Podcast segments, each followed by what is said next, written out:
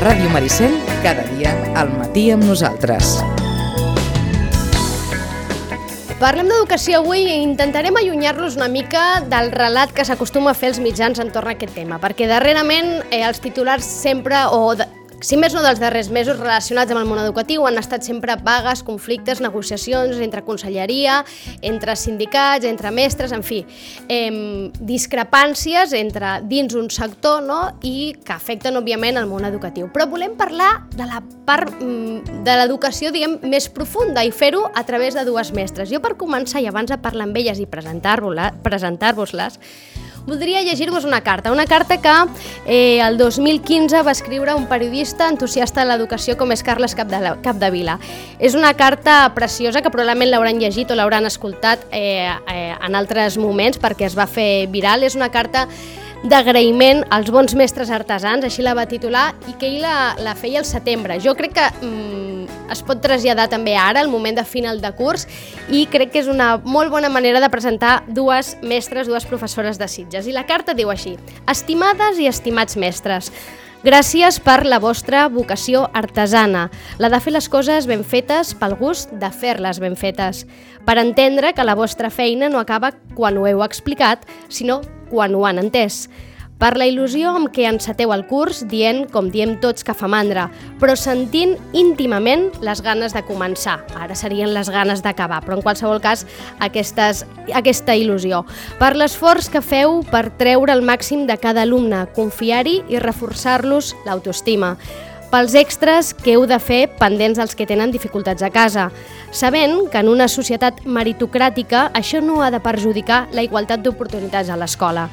Pel sentit de l'humor que us permet combinar el repte més transcendent de la humanitat, educar les criatures, amb els somriures que ho fan tot més fàcil, per entendre que el món connectat no és res que ens hagi de fer por si ho fem servir com a palanca per augmentar la motivació, per tenir clar que en el món connectat també s'ha de saber desconnectar, per la paciència que teniu amb els pares, per l'estima que teniu pels nostres fills, per no desanimar-vos per més motius que tingueu, sabent que la vostra missió és massa important per permetre-us el luxe de baixar la guàrdia, per tot el que heu preparat i pensat perquè aquest any us surti encara millor que l'anterior, per no tenir por d'innovar, per compartir experiències amb altres mestres, per formar-vos i assumir que heu de formar aprenents permanents, que avui a les aules s'hi va a aprendre, a aprendre.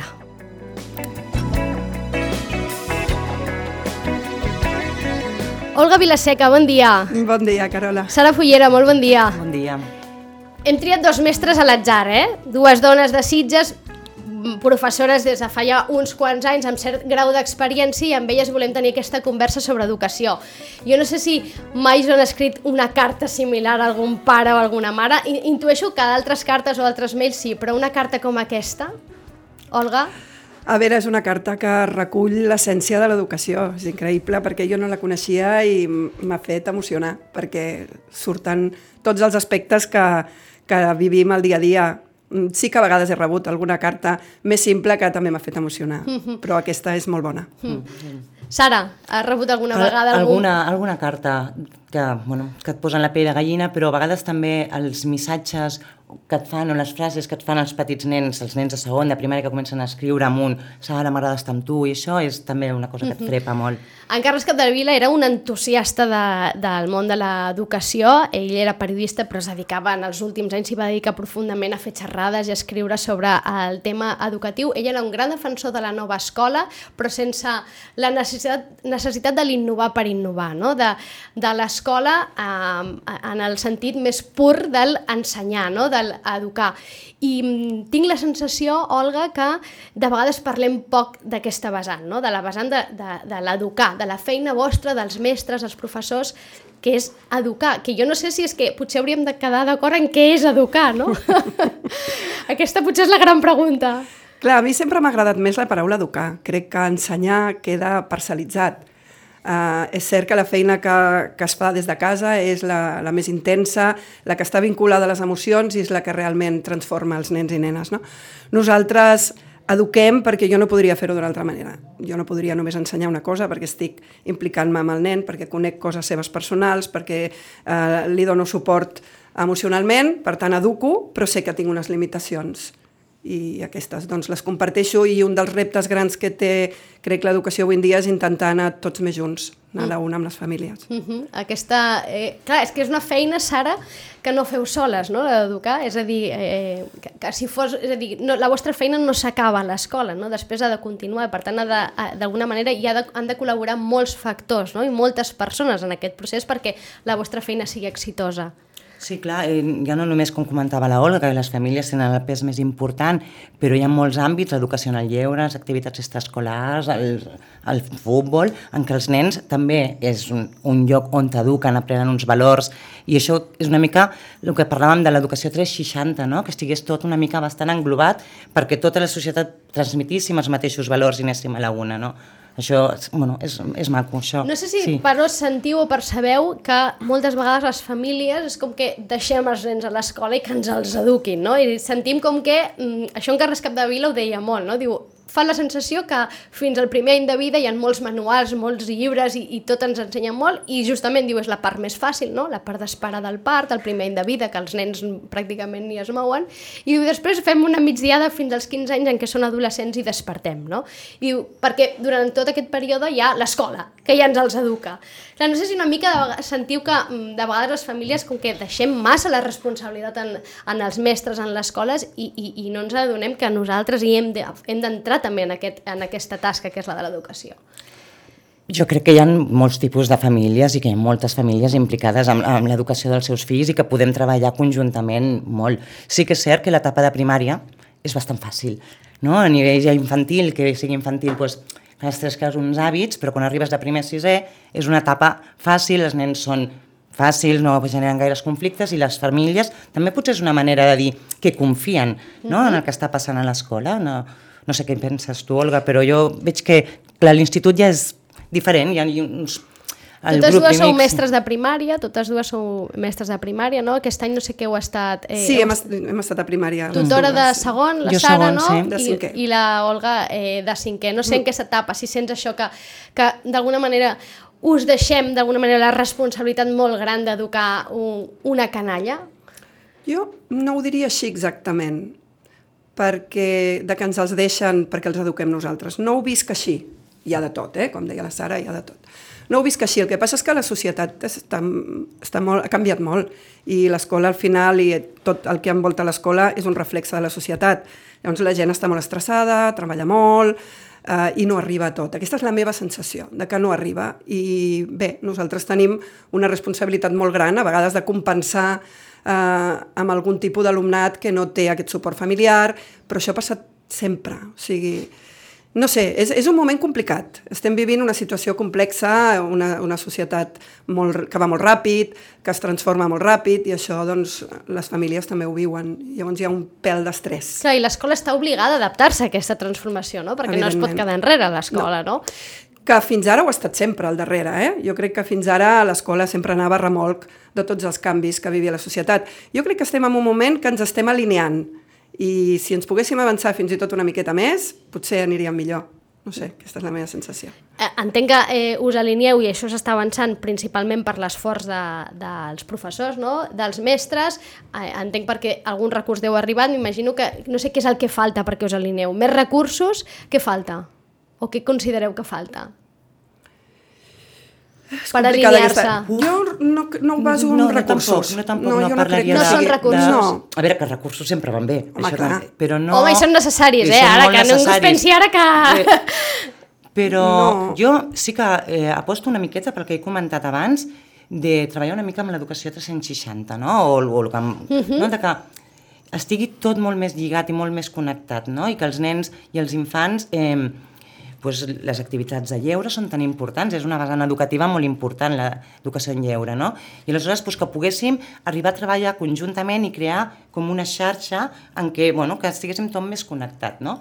I aquí faríem famílies, logísticament per les famílies també es podria organitzar de moltes maneres. Llavors jo crec que aquí ens cal Sí. madurar el tema, no sé com. És un dels reptes, jo És també estic d'acord amb la de- Sara, eh? Mhm. Aquesta connectivitat, aquesta feina en xarxa, que entenc que ja és difícil de mena, però venim d'on venim deu haver estat més difícil, no? Perquè no sé si amb la vostra experiència, aquests darrer, darrers dos anys, amb la pandèmia, han estat els anys més difícils per la feina del mestre? Definitivament sí. sí. Sí, Ens vam haver de- d'aprendre una quantitat de coses, eh, bueno, tot el que és les connexions, bueno, com tothom que va viure la pandèmia, no? Però va ser molt difícil i, i, sí. i jo, no sé com ho vas viure tu, però jo vaig patir en moments per les, pels infants, vaig patir perquè era una situació molt complicada, eh, a nivell logístic les famílies... Bueno, em, em va costar més com ho vivien els nens que com ho vivíem a casa en aquell primer sí. moment, eh? Jo vaig ser conscient, que no és que no ho fos, però se'm va evidenciar molt la importància de la presencialitat, d'estar d'estar davant dels nens i de poder-los tocar i de, i de socialitzar-se. Vull dir, va ser una mica la conclusió, no? Nosaltres, per sort, teníem les eines, les teníem perquè ja treballàvem bastant online i estàvem molt preparats, però malgrat això no arribaves. I estaves treballant a la una del, de la matinada i a les dues, estaves estressat. Sobretot per això, per aquesta manca de presencialitat i, a més a més, hi havia un sector d'alumnat eh, desfavorit que encara va quedar com a més afectat. Eh, Sara? Llavors això sí que va ser dur, molt dur, per mi molt dur. Després de tants anys de treballar, i he treballat en escoles complicades, he treballat eh, doncs, amb, amb sectors difícils, amb un moment personal difícil, però com aquest, mai. Com aquest cap. I la mascareta? Què això d'ensenyar amb mascareta? Duríssim, també. Horrorós. No pel fet de portar-la, no, no, No, no, no, pregunto no, pel fet de no, portar-la, per no eh, que és, sí, no, exacte, sí, Total. perquè quan has d'explicar, no? quan has d'ensenyar, has de comunicar, has de tra Totalment. traslladar aprenentatge, no? Era la nostra eina de treball i la tenies eh, coartada, absolutament. Home, ens hem donat compte del, de com llegim també la boca, no? I clar, jo he estat a cicle inicial, que és l'aprenentatge en lectura i l'escriptura. Clar, com ensenyes els sons si no et veuen la boca, no? Vull dir que aquí ha sigut complicat. Mm. Vull dir, a part del tema de portar-la tot el dia dins l'aula i de l'escola pels nens que no ens hi veies, no? A vegades recordo un dia que ens la vam treure per una cosa i em vaig donar compte que portava braques. El, clar, jo no ho sabia, no? I dic, ui, no? Curiós, no? Sí, sí. Perds molt... I no els sents bé. No ens sents bé, ells no et senten bé. Bueno, ha estat complicat. Ha estat, ha estat Complicat. eh, molt difícil. Eh, N'hem tret alguna cosa bona? O l'escola creieu que ha tret alguna cosa bona d'aquest període? Sí, O serem capaços de jo treure alguna que sí, cosa bona? I esperem que sí, perquè ha sigut una experiència tan dura que si no aprenem d'això, malament, no?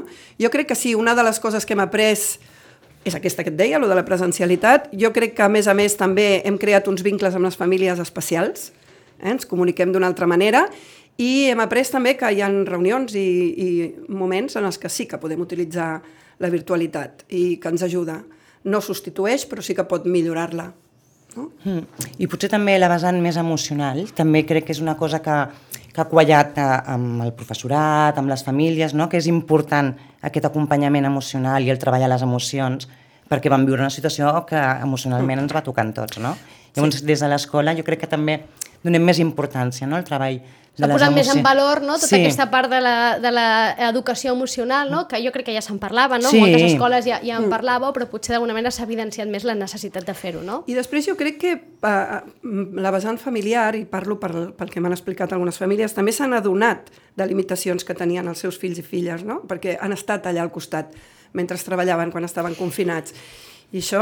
I ara preguntaré, perquè jo crec, i ara això ho parlo una mica en primera persona, eh? jo crec que quan molts pares ens vam convertir com a professors als nostres fills en aquells dos mesos de tancament, jo no sé si vau sentir que de sobte mm, qui no ho feia, de sobte ho feia i qui ho feia ho feia més, que era valorar la feina dels mestres, és a dir, perquè clar, a molts ens va caure eh, la vida al damunt quan tenies un o dos nens a casa i els havies de fer com de mestres, òbviament combinar amb la teva feina, que aleshores paraves a pensar caram, la mestra en té 25, 25, així no sé, això també ho heu rebut, no? Vau rebre de Sí. que necessaris que Sí. sou i que necessàries que sou, no? Sí. Les mestres, aquesta, aquesta feina. Olga, per què et vas fer mestra? Doncs mira, no et sabria dir. A mi m'encantava ajudar el meu germà petit, que era un bala perduda amb els estudis, llavors em posava molt amb ell i després em vaig posar a fer classes particulars i em vaig trobar que estava a la meva salsa. M'encantava. M'encantava fer coses per les persones. Dubtava entre fer medicina i estudiar magisteri, i eren els dos sectors que m'agradaven, però bueno, vaig anar de cap. I És- realment... És vocacional, doncs, Totalment. diries? Absolutament. És una feina que pot no ser vocacional? Es pot ser mestre sense tenir vocació? i tant que es pot ser. Vas a... El que passa és que no crec que arribis a, a aguantar o a ser feliç, si més no, no, no, no crec que puguis viure, però com qualsevol altra feina vocacional, eh? clar que ho pot ser. Te'n vas a la universitat, et treus el títol, però ho deus passar molt malament, perquè, clar, és, és la teva vida, al final estàs, estàs vivint anècdotes amb els teus alumnes i d'això que si no ho vius amb il·lusió deu ser tremendo. La- Sara ve de, de mare professora. Sí, també. No sé si això va tenir alguna cosa a veure. Segur que sí, que va tenir el, el seu pes, no? També vaig començar a estar de monitor al cau, bueno, una uh -huh. mica el vincle això, i quan va arribar el moment vaig dir sí, és per aquí on, el que m'agrada. Uh -huh. Sí, sí. I estic molt contenta, la veritat, eh, d'haver... No, no, no m'equivoco. No, no, no... Quan miro endarrere, penses, podries haver fet una altra cosa? Doncs pues no. És que estic contenta, m'agrada la meva feina, hi ha dies que millor i, i, fa més mandra, però m'agrada, estic molt contenta. Uh -huh. Des I després de tants anys no sé si costa, és a dir, si a una mestra li costa llevar-se i entrar a la classe amb els seus alumnes i entrar motivada, no? És a dir, perquè a molts, a moltes altres feines ens pot costar. Entenc que en el cas de les mestres és indispensable, no?, que aneu cada dia motivats a l'aula, perquè, sí, perquè i a teniu vegades davant passes mal canalla. moments personals també i estàs malament i la veritat és que se t'oblida. Quan entres, eh? Quan entres Mm. a l'escola se t'oblida i a vegades el millor que pots fer és anar a treballar perquè realment et fan passar els millors moments del dia. Però, clar, vull dir, hi ha moments i moments. Una feina altament vocacional, en tots els casos, potser la Olga eh, ho té més present, a més a més amb, amb vinculació amb la part, diguem, eh, més organitzativa, perquè vas, estar, vas ser directora de l'escola molts anys, per tant, dins l'equip directiu. La Sara també ha viscut aquesta experiència. Però de directora no, eh? Fa més anys, però Sara, em deies, tothom hauria de passar en algun moment per, per formar part de l'equip directiu, eh? Sí. Tota mestra o tot mestre, eh? Jo crec que sí, que et dona una visió més global de l'escola, surts de la teva parcel·la, que és, sempre estem a la nostra aula, i aleshores bueno, ho vius tot i ho veus amb uns altres ulls, una altra mirada. I jo crec que és important que tothom vegi, no? Perquè, bueno, és com tot, no? Vull dir, eh, penses que no hi ha per tant i veus tots els conflictes... Bueno, que hi ha molts temes que se'ns escapen de la nostra realitat diària de l'aula i que les direccions, bueno, la Olga ho pot dir en primera persona, tenen en, uns moments pressions i moltes coses que és important que tothom ho tingui Olga, tu present. també recomanaries que tots passessin en algun moment per l'equip directiu? Jo no recomanaria a tothom perquè penso que no tothom té el perfil per fer-ho. Uh, però sí que eh, té raó T'entenc, Sara, t'entenc. Eh? Vull dir que, que és important, mm, això és com quan entres a Google Earth no? i t'allunyes que veus el món i si no, si et vas apropant cada vegada el veus més el veu menys, amb menys eh, perspectiva, doncs l'equip directiu et dona això. Uh, també tinc clar que han de ser uns anys i que és molt important haver estat a l'aula abans i si pots estar després també està bé, perquè també veus coses amb les que t'has equivocat quan tornes a l'aula.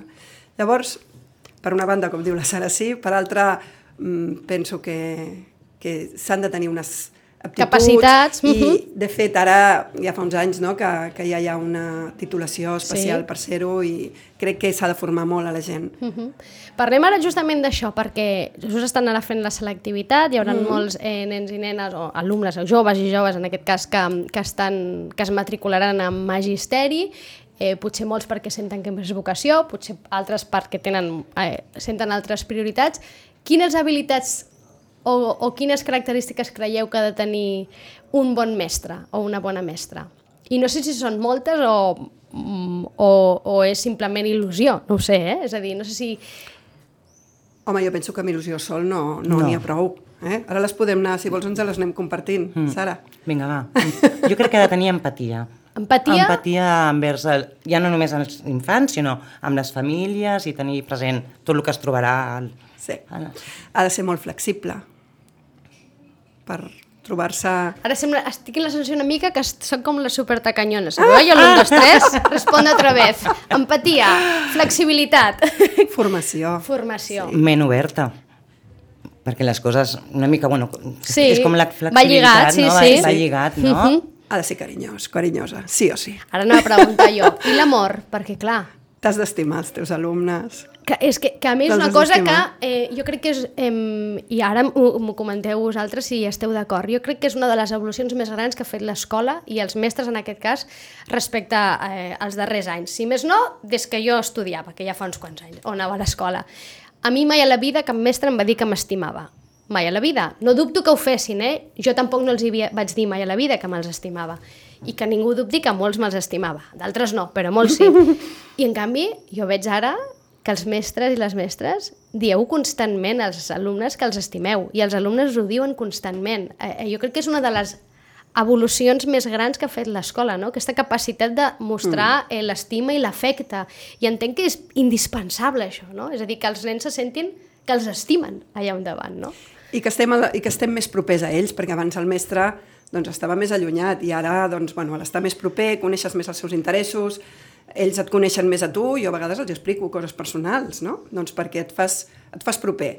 I és una, una característica important també. Bueno, jo també crec que el tema tot el que parlàvem abans, no, de les emocions, que sabem que, que sabem que el cervell quan emotivament està bé i està content és molt més capaç d'aprendre, no? Llavors, crec que és un aprenentatge que hem fet en formacions al llarg del temps, també. Clar, perquè un nen de primari, un nen eh, de, com els que, alumnes que teniu vosaltres, amb quin objectiu entra a l'escola normalment? Per passar-s'ho bé, és a dir, bàsicament a jugar, no? I a Sí. passar-s'ho bé. I amb quin objectiu ha d'entrar un mestre o una mestra a l'escola? Amb despertar, per mi, amb despertar amb els infants les ganes d'aprendre coses. Totalment. Vull dir, fer jugant, eh, que sigui, però amb incentivar l'actitud d'aprendre per aprendre, una mica el que comentaves abans, Carles no? Capdevila, no? Mm. Uh Sí. Aquestes ganes sí, sí, amb d'aprendre. aprendre, a vegades amb diversió i a vegades amb no tanta, eh? També jo crec que equilibrar això, una miqueta l'esforç i, i la diversió, jo crec que aquí està la clau, eh?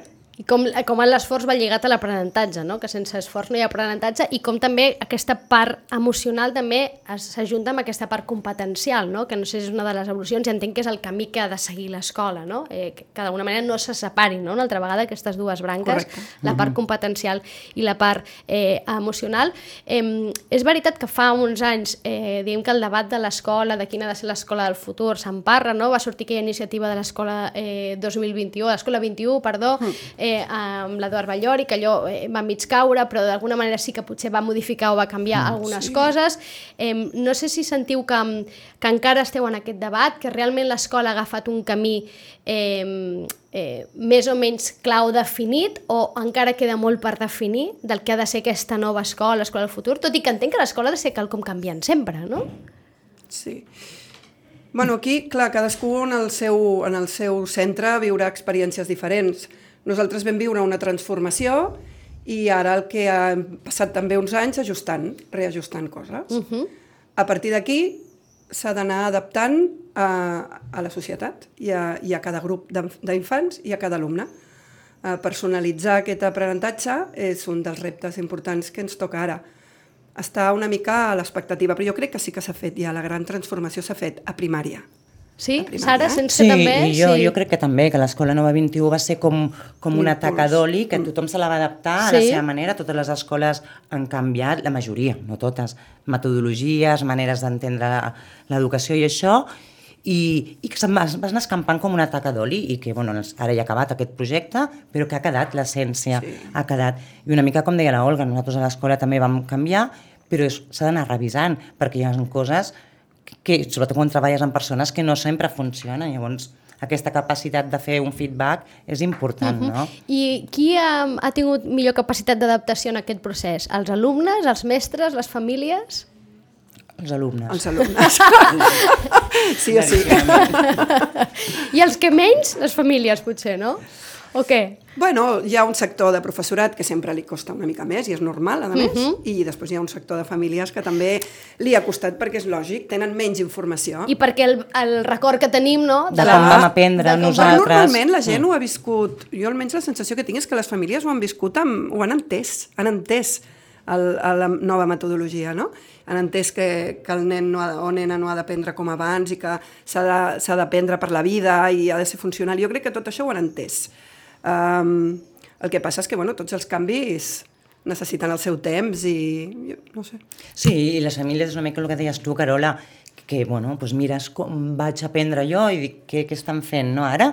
I projectes el que tu havies fet. Però crec que si quan parles amb les famílies, els expliques mm. i en les reunions, crec que tots surten, doncs, bueno, més o menys contents de que sí que, ten, que és per aquí on ha d'anar l'educació, no? crec que ara Però la que clau també és està... molta pedagogia uh. -huh. amb les famílies. La clau també. està en el pas a secundària, que aquí sí que tenim un, un problema. Sí, sí, és on ara hi ha el repte, ha no? I aquesta el setmana es parla molt de la selectivitat, Sí. no? Que, és, Sí. que clar, d'alguna manera és que la selectivitat és justament el, el, el, la fi d'aquella escola no? de, on anaves a vomitar bàsicament eh, coneixements, no? Que, I en aquest cas, a més, que vens d'un curs on el dediques única i exclusivament a preparar un examen, no? I, mm. i sembla que aquest és ara el debat.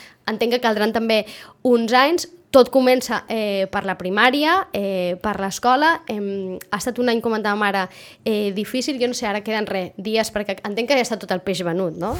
El peix al cova, ja. Ara ja no hi ha res, és a dir, aquells que, aquells que no hagin fet la feina ja, ja no es pot arreglar res en tres dies, eh? Això ja està fet, això ja està fet. Però acabeu el curs amb una, amb una sensació satisfactòria de que ha estat un bon any, malgrat tot? absolutament. Jo sí, jo l'any passat per mi va ser un any molt dur. Uh, el que ens haguessin tancat tres mesos a casa va ser duríssim i les expectatives no sabies quines eren. Tot i que vam començar una mica malament, amb alguns confinaments i que Sí. semblava que tornàvem a caure una mica, jo crec que tot ha anat tan positiu i, vaja, per mi ha sigut un any mm, bo.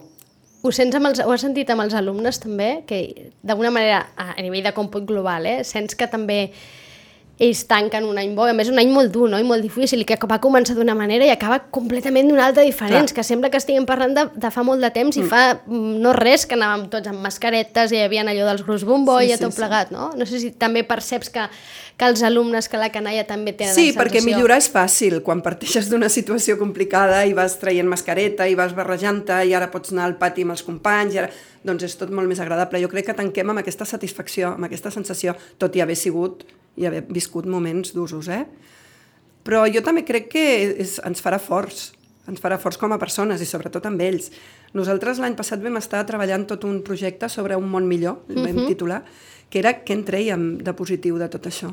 Què faríem si sabéssim que torna a venir una pandèmia, no? Com ho viuríem? Ostres, a mi ara mateix, eh, eh, no sé si em cau el món a sobre, eh? No, però, però els nens i Està nenes bé, et és un- donen Mhm. solucions uh, molt bones. Jo crec que això ens farà més forts a tots, segur. Uh -huh. Sara, també tens sensació de tancar un bon any? Tinc la sensació de que acabem un, un bon any, que hem acabat bé, perquè no el vam començar molt bé. Aquest any, el, almenys el meu grup es va confinar moltes vegades, eh, els infants els veies plorar, quan els deies que, confina, que els confinaven és que ja ploraven, no? Però que ens han pogut treure la mascareta, ens hem anat a colònies, podem fer activitats, i que acabem bé.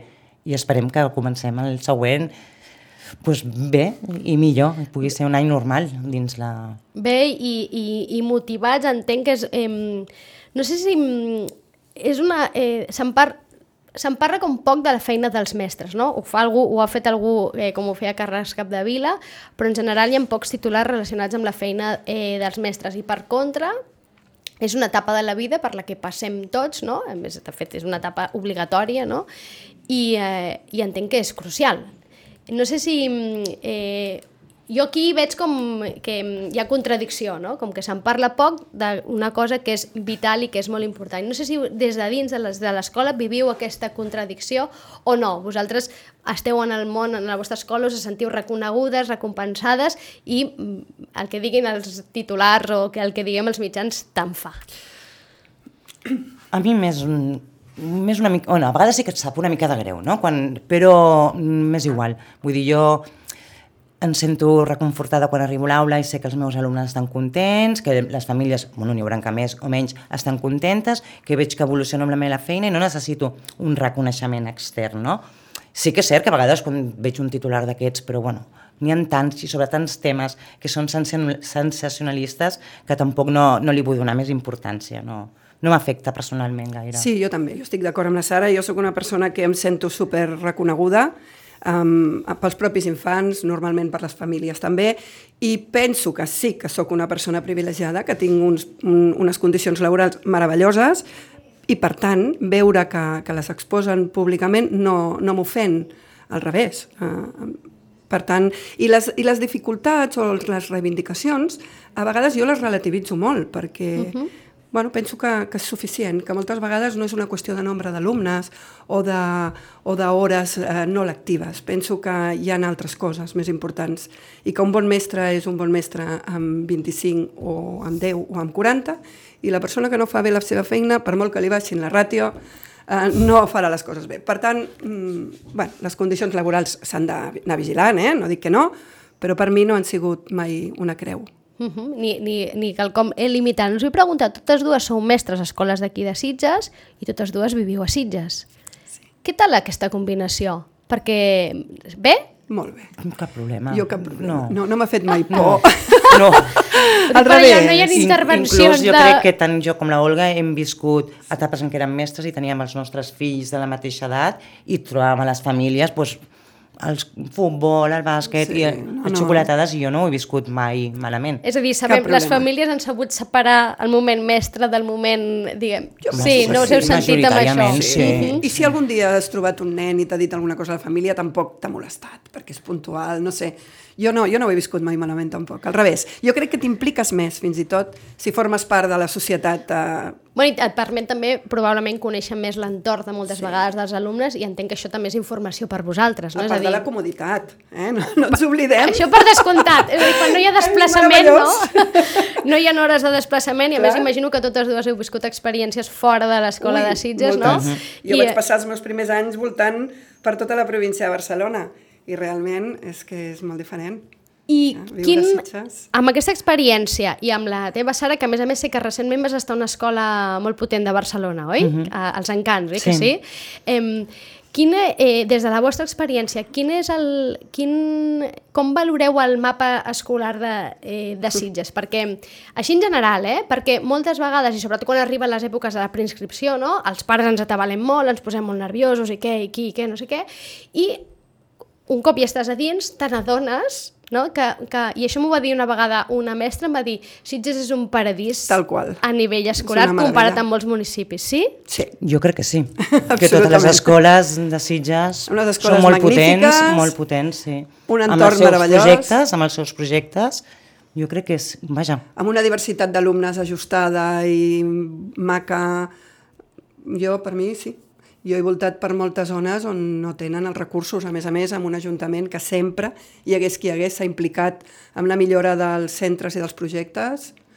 Jo, la veritat sí, és que... no, no hi ha cap escola que digués una mica que és Cap gueto, gueto, no. cap no, vull dir que tot arreu tenim bueno, varietat i diversitat que ens sempre ens I a més a enriqueix. més ara en el mapa han quedat com a molt repartides, de manera que tothom quasi bé pot anar caminant a la seva escola. Sí, Això- sí, gairebé per descomptat. No, no, i és veritat i, i val la pena eh, posar-ho, crec, en valor, perquè mm. entenc que al final, en definitiva, és el resultat de la feina de totes i cada una de les escoles, no? Més enllà de l'Ajuntament, la col·laboració i, de, per tant, de tots i cada un dels mestres i les mestres que formeu part dels equips docents d'aquestes escoles, I no? el nivell sociocultural de, de les famílies també. Ajuda. Tenim una zona, una zona doncs, que, bueno, que, que sí que hi ha, hi ha moltes històries complicades, però no com en altres municipis. Uh -huh. Per tant, podríem parlar d'aquest paradís. Eh, què tal aquesta experiència als encants? Bueno, és molt bona, és una experiència que crec també una mica com el que tothom hauria d'estar en un equip directiu, no? Sortir una miqueta d'una escola on fa molts anys que estàs, que vulguis o no, ja tens una manera de fer, ja tens unes relacions establertes i això, i veure una altra cosa et permet obrir-te, agafar altres idees, clar, i sempre poder tornar, perquè la logística familiar i, i la comunitat de poder anar al teu poble i treballar el que has aportat o el que has après, les coses a la teva escola, crec que és bonic. Vull Per dir qui que no és... sàpiga, l'Escola dels Encants és una escola de Barcelona eh, d'alguna manera eh, innovadora, no? podríem dir, o si més no sempre se l'ha presentat com una escola molt innovadora, no? No sé si és com la definiries. Sí, jo crec que sí, va ser una escola mm, innovadora, com moltes ara, però va ser pionera en Mhm. els seus moments. Vull dir, va ser dels que van començar a fer una mica la transformació pedagògica. Uh -huh. Tot aquest eh, treball més de per, per la part competencial no? i no tant deixant una mica més a banda aquella eh, manera d'ensenyar no? de professor taula, alumnes, no? amb un llibre de text pel mig, amb aquesta distància, no?